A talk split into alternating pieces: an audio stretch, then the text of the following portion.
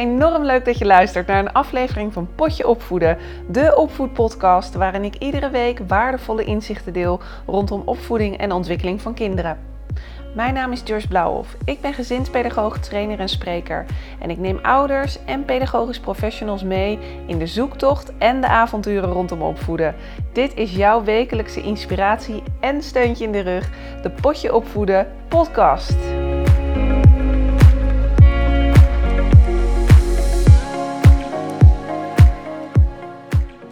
Nou, Lenny, welkom in de podcast Potje Opvoeden. Wij zitten hier op afstand bij elkaar, zeg maar via Zoom. Dus de opnamen worden ook via Zoom gemaakt. Dat is wel goed altijd voor de luisteraars om te weten. Lenny van Rosmalen, universitair docent. Ik vind het ontzettend leuk dat je in mijn podcast komt. Want een aantal jaren geleden heb ik mijn bul mogen behalen. Heel hard werken, bloed, zweet en tranen gekost. en heb ik mijn bul gehaald in gezinspedagogiek. En heb ik ook college van jou mogen volgen. Mm en ik dacht, het is juist heel leuk voor de luisteraars om jou uit te nodigen en te gaan praten over hechting. Want dat is toch wel een onderwerp ja, wat ontzettend leeft bij pedagogisch professionals. Daar krijgen we ook iedere dag mee te maken natuurlijk. Hechting, van hoe hè, kinderen die signalen uitzenden. Ja. Hoe gaat dat? Dus ik dacht, mooi als jij in deze podcast wil verschijnen. Misschien dat je jezelf even voor de luisteraars wil introduceren. Nou ja, je hebt het al gezegd, hè? universitair docent. Ik heb drie kinderen, eentje is 23 en een tweeling van 16, als ik me niet vergis. Ik heb vooral geschiedenisonderzoek gedaan. Ik concentreer me op de opvoeding nu en op de geschiedenis van de opvoeding. Dus die hele lijn trek ik door, als het ware.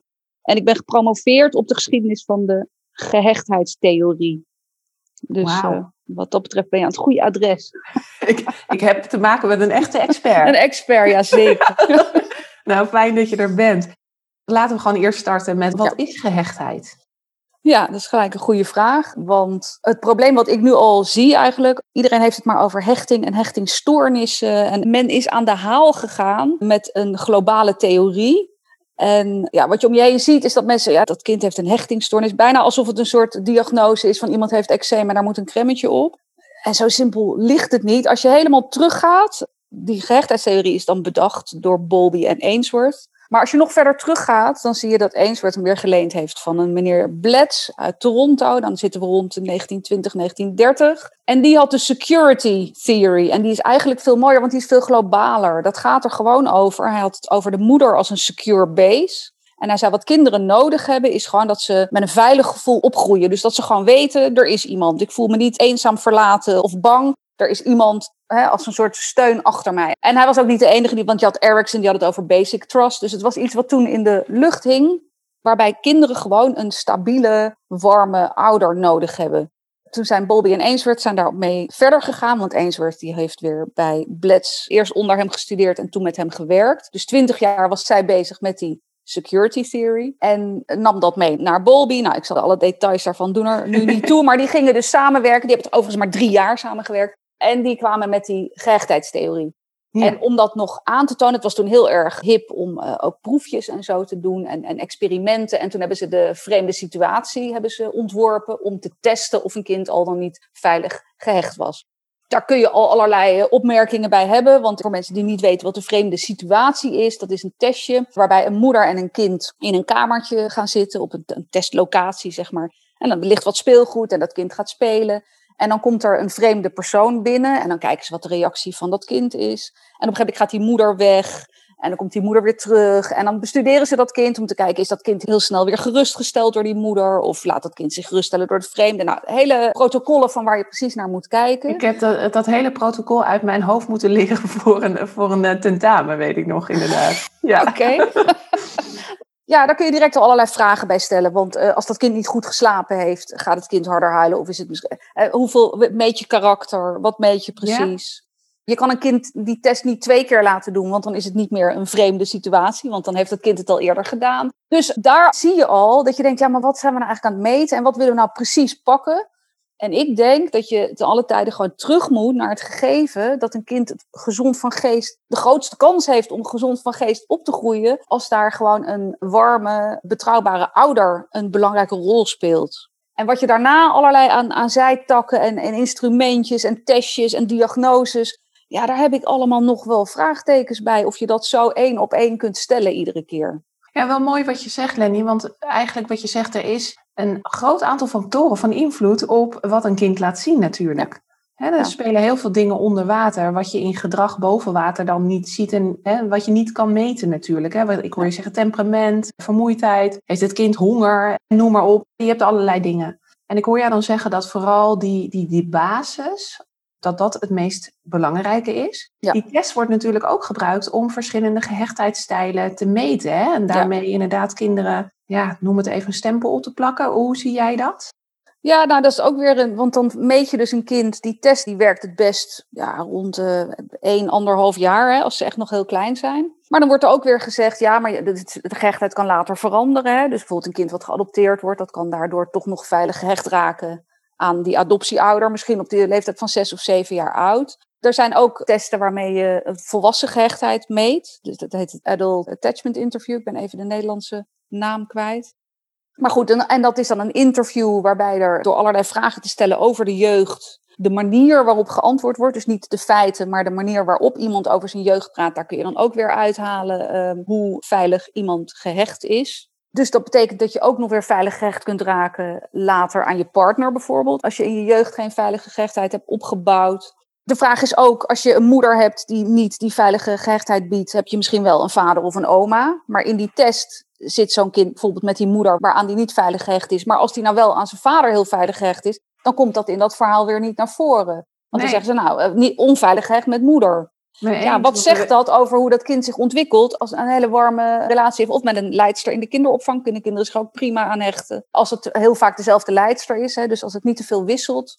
Vind ik mooi dus dat je dat ook zegt inderdaad. Want ook die pedagogisch professional, hè, die is echt een buffer voor een kind die het moeilijk kan hebben in een thuissituatie. Zeker. Dus het is niet per definitie zo dat het proces, als een kind onveilig gehecht is, dat het proces niet meer omkeerbaar is. Nee. Zeg maar. Nee. Hè, dus een andere kan dat ook opvangen. Ja, maar ik denk wel dat een jong kind eigenlijk bijna permanent moet voelen dat er iemand voor hem is. En als een kind ouder wordt, dan een jaar of vier, vijf, dan weet een kind ook, nou die, die belangrijke persoon die komt terug. Maar als een kind klein is, vergeet niet, die theorie komt uit de jaren 50, 60, hè, is dat een beetje. En toen was moeder natuurlijk altijd thuis, want vader ging werken, want we hadden het kostwinnerspatroon. Kinderopvang kwam eigenlijk nauwelijks voor, uh, tenzij er hè, gevallen waren van een alleenstaande moeder of gedoe, zeg maar. Maar in de regel uh, kwamen kinderen gewoon thuis bij moeder. Of die, die waren thuis bij moeder. En moeders moest, mijn moeder moest stoppen met werken toen ze zwanger was. Toen zag die wereld er ook anders uit. Dus die gehechtheidstheorie is eigenlijk toen ontstaan. En de vraag is of die nu nog zo één op één vertaalbaar is. Naar hoe we nu met elkaar omgaan en hoe we leven. En met kinderopvang enzovoort. Dus het is eigenlijk een ander verhaal. Dus eigenlijk is die betrouwbare volwassene, wie dat dan ook hè, is, is uh, van ontzettend belang. En ik hoor jou zeggen, kind moet ervaren dat er eigenlijk een continue steun is. Ja. dat er een soort van, uh, ik zeg wel eens, het uh, kind is het boek en de volwassene is de boekensteun. Het kind moet het idee hebben van ik heb altijd iemand om op terug te leunen. Is daar wat bekend over uit onderzoek? Van hoeveel uur moet dat zijn? Of hoeveel zit daar iets in? Moet dat iemand zijn die zeven dagen per week beschikbaar is voor een kind? Hoe ziet dat eruit? Is daar ja, wat over dat is, al dit soort dingen. We proberen dat dan heel erg te vangen. Hè? Dus dan wil je eigenlijk onderzoek doen en dan ga je gemiddeld pakken. En dan zeg je, nou, we zien dat eh, bij zoveel uur, dan is het oké. Maar daar heb je niks aan, want dat ene kind die het 24 uur nodig heeft, is daar niet mee geholpen. Dus eigenlijk, en dat is met de hele pedagogische wetenschappen, we doen allerlei onderzoeken, we komen steeds maar uit op gemiddelde. Terwijl het iedere keer gaat over een bepaald kind met een bepaalde ouder in een bepaalde situatie, met een bepaalde kinderopvang of school of juf of noem maar op. Je kan nooit zeggen, als je het zo doet, dan is het oké, want er speelt te veel mee. Het belang van die warme, steunende persoon, dat je dat inziet. En als je met die instelling je kind opvoedt, in plaats van in de jaren na dat behaviorisme van Watson, die zei heel erg alles is aan te leren en je moet je kinderen niet knuffelen en gewoon streng zijn.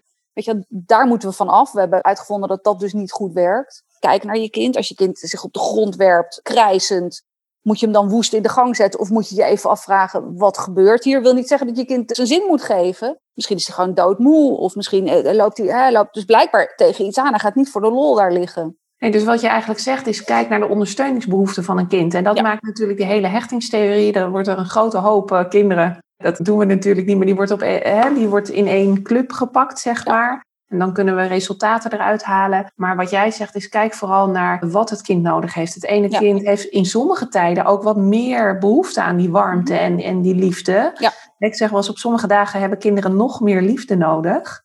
En dat zie ik meteen ook. Er zijn van die dagen dat ik denk, jeetje, je bent echt nu echt vastgeplakt als aapje op me. Ja. En dan denk ik meteen, oh, wat is er aan de hand? Maar dat is gewoon zijn behoefte op dat moment om nog meer warmte te ervaren.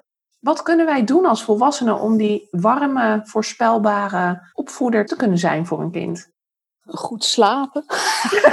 dat is één. Oh, ja. Ik was de vreselijkste moeder eh, en nog trouwens, als ik niet goed had geslapen. Het is zo kindafhankelijk. Mijn zoontje, die dus nu, het is geen zoontje meer, dat is een, dat is een meneer geworden. Het was een heel makkelijk kind, bleek achteraf. Maar dat wist ik niet, want ik dacht dat het allemaal kwam doordat ik zo'n leuke moeder was. Hij, at alles, maar dat kwam natuurlijk omdat ik borstvoeding had gegeven. En hij was leuk en grappig, want dat kwam omdat ik dat zelf ook... Nou, noem het, vul, het, vul het allemaal maar in, maar het kwam allemaal, vooral alle goede dingen die kwamen door mij. En toen kreeg ik een tweeling en die twee zijn punt één totaal anders dan hij was. Maar punt twee ook totaal anders van elkaar. Nou, en ik voedde ze toch echt tegelijk op. Ja. Op dezelfde manier. Twee totaal verschillende kinderen. Waarvan eentje heel ingewikkeld, heel moeilijk. Krijzend op de vloer. Dat ik dacht, weet je wel, je zus doet ook normaal. Doe normaal. Doe gewoon En dan had, had ik ook al niet goed geslapen. En oh, verschrikkelijk. En nou, ik, echt, ik was gewoon niet aardig tegen haar op bepaalde momenten. Omdat ik dacht, ja, wa- wat, stel je niet zo aan. En dan Ja. zaten we in de auto en dan was oh, zo eh, warme ramen open. Nou, dan zei ik, hou op, weet je, we zitten allemaal in de, het valt wel mee. Tot ik op een gegeven ogenblik, en dan kom ik eigenlijk een beetje op een ander onderwerp, maar dat, dat illustreert wel heel goed wat ik bedoel met kijk naar je kind. Las ik een boek over eh, hoogsensitieve kinderen. Nou, daar had ik dan, dan ja, hoogsensitief, wat is het voor interessant doenerijen? Ja. Maar die kinderen die hebben, het licht komt harder binnen, warmte, alles komt gewoon harder binnen. Die staan gewoon op heel gevoelig afgesteld. En toen waren we op vakantie in Turkije. Hier heb je nog van die hele hoge golven, maar in Turkije heb je van die golfjes. Ja. En we zaten daar en die hoorde, tenminste ik hoorde het niet eens. En op een gegeven moment zegt ze, die golven moeten stoppen. En in combinatie met dat ik dat boek had, ik denk, oh, maar bij jou komt alles gewoon veel harder binnen. En op dat moment ben ik dus anders naar haar gaan kijken. En ging het allemaal veel beter, want zij voelde zich natuurlijk niet 100%, was niet gelijk alles was opgelost. Maar Nee. veel vaker dacht ik, oh, maar jij hebt het gewoon echt heel warm. Nou, dan doen we die achterraampje. In plaats van dat ik steeds zei van, joh, zeur niet. Als zij op de grond lag, eh, honger. Jij hebt echt gewoon hele erge honger nu en wij kunnen Ja. daarmee omgaan, maar jij net niet. Dus hier heb je even een appel of een ding of weet ik veel wat. Nou, op die manier moeten we eigenlijk, of zouden we in een ideale wereld gewoon naar je kind moeten kijken. En moeten, wat heeft dit kind nodig? En niet direct oordelen van de rest van de kinderen is zus of zo. En daarom met die gehechtheid, oh, dat trekken we te breed. Alle, ja, dan is iemand dus. En even per kind kijken, wat heeft een kind Ja. Nodig? En dat kan, natuurlijk kan dat niet altijd. En, soms, en het gaat niet over verwennen. Want je hebt ook kinderen die het harder nodig hebben om grenzen aangegeven te krijgen. Kinderen die Nee. gewoon doorgaan, totdat je zegt, en nu is het klaar. Ja, dan stop. kijken ze bijna opgelucht van, oké, dan kan ik nu stoppen met, eh met dreinen. Want het, dit, dit was hem dus, de grens. Helemaal top. Wat je dan eigenlijk mooi zegt is als je kijkt naar je dochter, echt even door haar ogen kijken, haar verlangen of ja, dat inzicht krijgen in wat Ja. maakt dat jij, eh, wat is jouw behoefte, het loszien van jou. En we hebben al natuurlijk als, als opvoeders allemaal gedachten in ons en onze eigen behoeften. En dat strookt niet altijd met de behoeften die een kind heeft. Maar door even te denken, waarom juist nu? Waarom laat je dat gedrag juist nu zien? Ja. Dat zorgt er eigenlijk al voor even die pas op de plaats, heel kort. Wat mogelijk wat makkelijker maakt om te reageren daarin. Het heeft niks met verwennen te maken. Hè? Want het Nee. kan heel duidelijk ook grenzen aangeven zijn. Als jij gewoon op een duidelijke, warme manier zegt... Ja, maar dit, we gaan, we gaan, dit is het gewoon. We gaan, Ja. hè? Dan is dat ook goed. Inderdaad, ja. En wat je ook zegt, eh, kinderen kunnen soms ongeleide projectielen. Ik vind die fragmenten van eh, Nanny, de Joe Frost, dat je echt kinderen ziet schreeuwen en op, op die, Ja. die banken ziet gaan. En dat je denkt, deze kinderen schreeuwen gewoon om grenzen. Die willen gewoon Ja. inderdaad dat je voorspelbaar bent. Want Ja. hoe fijn is het als je iemand hebt die ook af en toe even wat wijzer is of zo. Of even bepaalt van, nou, dit is hoe we het gaan doen. Ja. Dus ik, eh, ja, dat herken ik wel wat je zegt. En als je dan kijkt naar die signalen, eigenlijk wat je zegt is kijk door de ogen. Wat is het verlangen van het kind? Wees je daar even bewust van. Heb je nog meer dingen waar pedagogisch professionals, ouders op kunnen letten om die warme persoon te zijn? Ja, maar dat, dat is het in de kern wel. Gewoon zie het kind voor wie die is. Eh, Ja, en dat lukt natuurlijk lang niet altijd. Hè. Dat is ook heel ingewikkeld. Ik kan me ook voorstellen als je een professional bent... dat je sommige kinderen leuker vindt dan andere kinderen. Dat, dat maakt het ook moeilijk. Dat ontkennen we natuurlijk allemaal dat dat gebeurt. Maar dat gebeurt Ja. wel degelijk. Dat is de belangrijkste. Kijk Ja. naar een kind. Ja, wat zou je als tip geven? Als ik dan kijk, eh, gisteravond heb ik een uh, training gegeven aan pedagogisch professionals en we hadden het over omgaan met druk en dwarsgedrag. En er was ook één iemand die zei heel eerlijk van ja, ik had vandaag echt een dag dat ik dacht, nou echt, weet je, je ik ben blij als je weggaat ja. van de groep. Ja. En nou, heel goed dat je dat gewoon zegt, want je bent net mens. Snap het, weet je? Je kan je soms zo irriteren aan het gedrag van een kind. Hoe hou je daarin een beetje lucht voor jezelf op de groep? Stel je voor dat iemand uh, bemerkt, het lukt me even niet om, ja, ik noem het dan even met een roze bril te kijken of even mijn hart open te zetten. Wat zou je tip daarin zijn? Ja. ik ben ook niet perfect. Ik, zou, ik ook dus een gouden tip heb voor ons, Lenny. dat, we, dat, dat we gewoon, huppakee, doe dit en dan werkt het. Hè? en dan is het allemaal, dan is alles goed. Ja, nee, nee, was het maar zo vet. Misschien ook nog, maar het is wel een beetje een inkopper. Het is natuurlijk niet tegen jou gericht. Wij vatten het heel vaak persoonlijk op. En dat begint natuurlijk al met een baby die blijft huilen.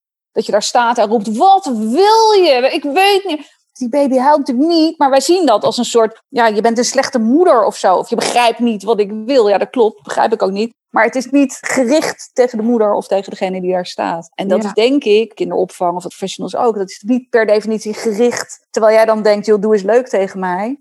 Ja, Het, is gaat niet over jou, het gaat over dat dat kind op dat moment niet lekker in zijn vel zit of wat dan ook. Maar ja, nogmaals, nu lijkt het net of alle kinderen heilig zijn en alles bij ons ligt. Dat is niet zo, maar wij zijn wel natuurlijk de ouderen die positie kunnen innemen of ja, iets kunnen sturen in ons gedrag, terwijl dat die kinderen natuurlijk niet lukt. Ja, gedrag roept gedrag op. En wij kunnen natuurlijk iets inzetten waardoor je het gedrag van een kind ook kan sturen. Maar als je dan kijkt, hè, sensitieve responsiviteit, hè, dat is een zo'n mooie basisvaardigheid in de Nederlandse kinderopvang die we kunnen meten. Een van de zes interactievaardigheden. Dat is wel een voorspeller hè, als we kijken naar een, een goede hechting krijgen met klopt.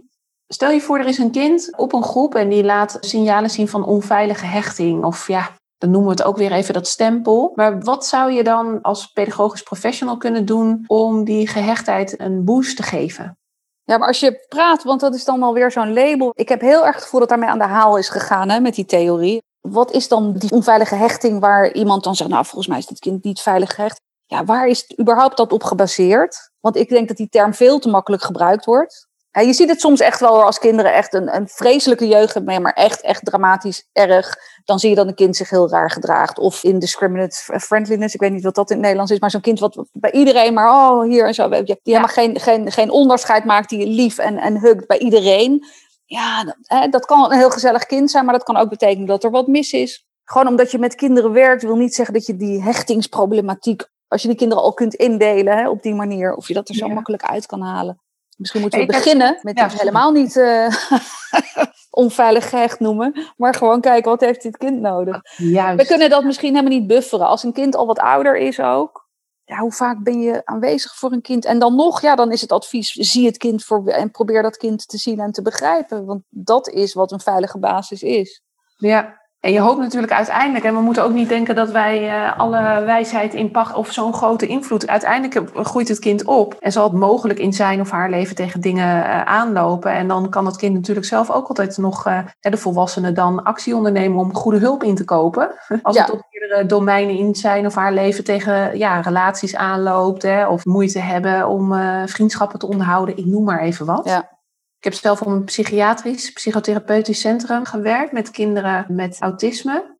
Onder andere, maar er was ook een jongetje die was geclassificeerd met een reactieve hechtingsstoornis, geloof ik. Of in ieder geval een hechtingsstoornis. Want ik hoor je zeggen, hè, kinderen die juist heel claimend zijn, in liefde en aandacht opzoeken, dat kan natuurlijk een signaal zijn. En hij ging totaal het contact uit de weg. Dat was wel echt heel sneu om te zien en dat had er dan mee te maken dat zijn moeder alcoholiste was en dus niet goed sensitief kon reageren op zijn signalen. Hij bleek gewoon echt uren in een uh, box te hebben gelegen huilend en die moeder laveloos op de bank. Ja, dat zijn wel Ja, maar ja, dan heb je dus inderdaad, en, en dat is duidelijk, daar is dus iets heel erg misgegaan ook weer gewoon het basisverhaal. Daar is dus niemand geweest hè, voor dat kind. Dus die heeft strategieën ontwikkeld om daarmee om te gaan. Namelijk of iedereen wegduwen of, of het contact helemaal. Misschien heeft hij ook niet helemaal geleerd hoe je contact legt, natuurlijk, dan heel vroeg. Dus is het niet alleen maar een reactie, maar ook een ontbreken aan het ontwikkelen van iets. Maar dat zijn natuurlijk schrijnende gevallen. Maar we praten te snel, en dat bedoel ik meer, in de reguliere omgang met kinderen zeggen we al heel snel, ja, hechtingstoornis, hechtingstoornis. Als je het gaat meten, maar 60% of zo is veilig gehecht. Dus 40%, dat is net iets minder dan de helft, is onveilig gehecht. Ja, wat betekent dat? We lopen toch allemaal. je kan niet zeggen dat 40% van de bevolking gestoord is. Ja, ook weer wel. Ja. Maar dat is een ander onderwerp. Ja, nou, dat is wel grappig dat je het zegt. Ik weet ten tijde van het vak, zeg maar, hechting, attachment, dat studenten toen ook zeiden: Nou, volgens mij hoor ik bij die 40% hoor. Ik ben volgens mij onveilig gehecht. Ja. En dat is een soort van: Oh, 60% veilig gehecht. En je gaat ook even terugkijken van: Oh, ik heb bijvoorbeeld in de couveuse gelegen. Nou, dan zit je meteen te denken: Oh, dat zal dat ook wel. Maar dat klopt wat je zegt. 40% is op een andere manier gehecht dan. Ja, dus die hebben, en officieel heet het dan dat die strategieën hebben ontwikkeld. En dan zijn de twee hoofdstrategieën dat je angstig klampend bent van uh, ga niet weg, ga, ik weet niet, maar ik weet niet wat ik ben. En de andere onveilig type gehechtheid is dus de bindingsangst. Want dan vertalen we het ook weer zo lekker naar het liefdesleven natuurlijk. Uh, dat je dan je helemaal niet wil binden en alle mensen van je afstoot. Dat zijn dan de twee strategieën volgens de theorie om om te gaan met, uh, zo heb je dan geleerd om te gaan met anderen door het voorbeeld wat je moeder, in de, toen de tijd was altijd de moeder, je heeft gegeven. Dus inderdaad dat verhaal van jou, dat dat babytje daar in die box lag, ja, dat gaat natuurlijk volledig mis dan. Dus dat is dan een heel erg sterk voorbeeld van een kind wat zich daarna niet meer wil binden. Als je het dan over 40% van de bevolking hebt, dan is dat natuurlijk niet in die mate aanwezig. Nee hoeveel boeken zijn er niet over uh, mislukte liefdesrelaties en uh, weet je, hoe vind ik de liefde enzovoort en waarom gaat het altijd mis? En in die boeken hebben meestal de mannen hebben dan bindingsangst en de vrouwen hebben verlatingsangst. Een aantal van die boeken die zeggen ook weer ja, maar dat komt door je jeugd en dan. Uh, Dus die, mhm. die, die refereren dan direct of indirect ook weer aan de gehechtheidstheorie het wordt allemaal wel heel makkelijk. Weet je, het wordt allemaal heel makkelijk ingedeeld. En er gebeurt natuurlijk zoveel in onze levens dat dat bijna niet zo één op één kan zijn. Nee. En hoe kan het dan dat alle dames verlatingsangst krijgen en alle heren ja. binnen, met hier en daar een ander geval, maar over het algemeen gaan die boeken daarover. Ja. De vrouw die zich vastklampt en de man die, eh, die, die geen relatie wil. Dus inderdaad een beetje de beeldvorming. Is wel een mooi bruggetje naar uh, de vraag die ik heb. Hè. We praten in uh, onderzoeksland vaak over die moeder. Maar waar is de vader? En dat is toch wel iets, uh, ook als ik kijk naar mannen in de kinderopvang. We hebben het altijd maar uh, over vrouwen. Vrouw, ja, kinderopvang en onderwijs worden ook gedomineerd door de vrouw. Ja. Maar die man is van ontzettend belang. Hoe kijk je daarnaar, die vader, in, in dat hechtingsproces? Het hangt er denk ik gewoon vanaf welke ouder het meest thuis is. En dat is dus vaak de moeder nog. En dan roepen we wel emancipatie enzovoort. Maar als ik naar mezelf kijk en naar een aantal vriendinnen om mij heen, dat is natuurlijk geen officieel wetenschappelijk experiment. Maar dan zie ik dat die vrouwen ook wel heel graag bij dat kind zijn. Daar kun je het weer lang over hebben. En mensen zullen zeggen, belachelijk, mannen kunnen dat ook. Ja, die kunnen dat ook. Maar als ik gewoon kijk wat er gebeurt en hoe ik mij voelde... Ja. Vind ik het fijn om bij mijn kinderen te zijn en om part-time te werken. Terwijl de vader van mijn kinderen toen der tijd, die vond het prima om vijf dagen te werken. Volgens mij had hij wel één papa-dag, als ik me vaag herinner. Maar goed, eh, en bij mijn vriendinnen zie ik ook, die werken één of twee dagen, als het lukt. Mm Man die werkt alle dagen. Ja, ik denk dat vrouwen toch, waarom weet ik niet, maar het blijkt dat die toch meer naar die kinderen. Dus je ziet ook toch vaker die vrouw nog in de moederrol en die vader iets verder weg. Ja. Dat was niet de antwoord op je vraag volgens mij, want ik weet nee, niet. Nee, nou, als ik dan kijk, die vader, die, eh, die wordt soms wel eens vergeten. Ik denk dat die man, hè, mannen voeden anders op dan vrouwen. Die man is ook van uh, ontzettend van belang. En ik hoop eigenlijk, hè, de, de mannen die luisteren, of de vaders die luisteren en de pedagogische medewerkers die luisteren, dat zij ook weten dat ze net zo belangrijk zijn. Ik bedoel, een kind, ja, zeker. Hè, die hecht zich net zo aan een vrouw als aan een man. En we hebben die mannen wel nodig. Ja, nee, zeker sowieso staat buiten kijf. En bovendien kunnen kinderen zich, dat, dat wetenschappelijk onderzoek enzovoort, prima hechten aan een vader die ze één of twee uur per dag zien. Hè? Die gewoon thuis eh, komt na het werk en leuk met het kind omgaat en voorleest. En om zeven uur gaan de lichten uit. Ja, zo'n kind is prima veilig gehecht aan die vader. Dat sowieso, ja. Ja, mooi. hey, en Lenny, even een beetje richting afronding. Ik kan nog volgens mij uren met jou kletsen over allerlei uh, onderwerpen. Ook als we kijken naar cultuur, historisch perspectief. Dat vind ik ook reuze interessant, maar uh, dat laten we. Welke goede raad zou jij nog mee willen geven aan de luisteraar die nu kijkt, als je kijkt naar hechting in de kinderopvang of uh, coronatijd? Coronatijd, ja. Ja, specifieker wil maken, Lenny. Ja, dit is best wel iedere keer weer een wenproces. Heb jij nog goede raad? Van een beetje een herhaling, denk ik. Maar ik denk dat het onderschat wordt eigenlijk hoe belangrijk het is om die kinderen te zien. De persoon die ze zijn en de dingen die ze nodig hebben. Als ik terugkijk naar mijn, al mijn jaren opvoeden, en ik ben, ze zijn nog niet helemaal af Ik heb spijt van een paar momenten dat ik heel boos werd. Of ik heb het niet af, ik heb ze niet geslagen, weet ik wat. Maar gewoon. Dat ik dacht, oh, wat oneerlijk. Weet je, dat ik dan zo tekeer ben gegaan. Dat zit me dan nu nog dwars. En als je naar opa's en oma's kijkt, die zijn natuurlijk nog verder. Die zijn ook alleen, die zien die kinderen, die kleinkinderen. Och, nou, dat, dat, het kan niet mooier en liever enzovoort ja, misschien is dat de manier waarop we naar die kinderen moeten proberen. En nogmaals, als je niet geslapen hebt, dan is niks leuk. En het is ook allemaal zwaar. En het is niet allemaal. Maar ja, probeer die kinderen te zien. En probeer te, wat had jij vooral die leuke kanten. Ja, wat had jij in gedrag willen laten zien aan je kinderen op zo'n moment dat jij uh, oneerlijk was, zoals je zegt? Welk gedrag had je dan van jezelf? Nou, weet je, blijf rustig ik heb dan spijt dat ik zo uitgevallen ben of zo. Tegen, waar, waren ze klein en dan, dan, riep ik wat. Ja, ja, denk, ja, waarom heb ik dat gedaan? Heb ik niet gewoon heel rustig gezegd, joh, hou op? Of ja, probeer die kinderen meer te begrijpen, zoiets. Ja. Ik heb niet echt een hele duidelijke tip, maar het is wel die kant op. Ja, en dat zit hem soms echt in letterlijk, en dat, dat is dan even mijn vertaling, door je knieën op ooghoogte even niet misschien direct reageren. Eerst zorgen dat je zelf een kalm brein hebt. Nou, we moeten nogal wat. Maar dat is eh, denk ik inderdaad ook. En telkens die, die, die, een soort van helpende gedachte te hebben. Het kind heeft het lastig. Doet het niet lastig, maar het kind heeft het nu echt even heel moeilijk. En hoe kan ik jou helpen? ja, en misschien ook wel je niet meelaten sleuren in die, al die emotie en die woede en die boosheid. En die, het is een ander voorbeeld wat ik wel eens geef.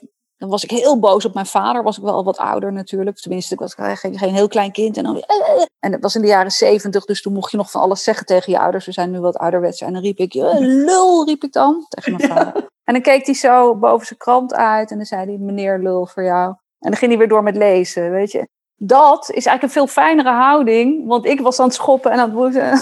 Terwijl hij zoiets had van, ja, nou maar gewoon. En dan kun je daarna natuurlijk wel kijken wat er aan de hand is. Hij had ook woest kunnen worden natuurlijk. Ja, ga je naar je kamer. Ja, dat dus niet. Maar gewoon voel. Ja, dus eigenlijk ook gewoon een beetje meegaan met die golf. En inderdaad... Ja, want je staat er al boven. En misschien ben je ook juist een veel veiligere basis als je niet het kind negeert, want het lijkt ook wel weer een beetje in tegenspraak te zijn. Want op zo'n moment kijkt mijn vader natuurlijk niet waarom ik zo woest ben. Maar hij haalt wel alle emotie en de ramen eruit. Inderdaad, het is mooi die balans. als je merkt van nou, je kind heeft je ook nodig. Maar soms ook weer even een soort van het relativering. Uh, dat moeten ze ook een beetje leren. toch een beetje je schouders ophalen op een gegeven moment. En weer verder gaan. Het is mooi als dat een beetje in balans is. Eigenlijk. Zoiets, ja. Mooi. Mooie raad nog zo. nou ja, ja, geen hele duidelijke tip, maar het zijn wel allemaal zelfs smaken waar je uit kunt kiezen, zeg maar. Ja. Dat, zoiets. Is er nog iets wat je wilt toevoegen, Lenny? Of kunnen we... Nee, ja, nee, dit is het, denk ik. Dit, dit is het? Ja, ja dit is het. Dit is het. ik wil je ontzettend bedanken voor je medewerking hieraan. Nou, het is leuk dat je me gevraagd hebt. Ja, zeker te weten. En ik weet zeker dat de, de mensen er wat aan hebben. Dus laat vooral, als je nu luistert, een reactie achter via social media. En ik wil je bedanken in ieder geval voor het luisteren.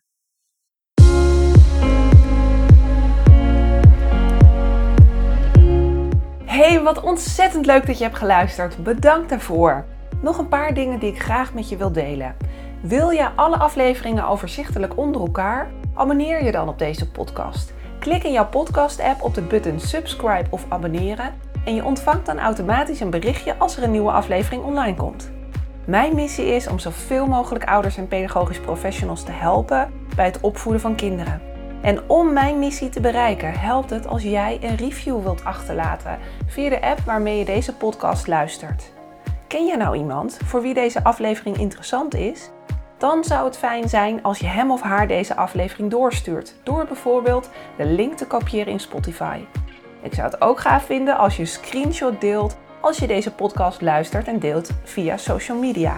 Ik vind het altijd leuk om een berichtje van je te ontvangen, om te horen wat je van deze podcast vindt en of je misschien zelf vragen of suggesties hebt. Stuur mij een berichtje via mijn website jblauwhof.nl. Dat is kleurblauw en hof met dubbel F. jblauwhof.nl of via mijn Instagram pagina Joyce Blauwhof. Tot de volgende aflevering.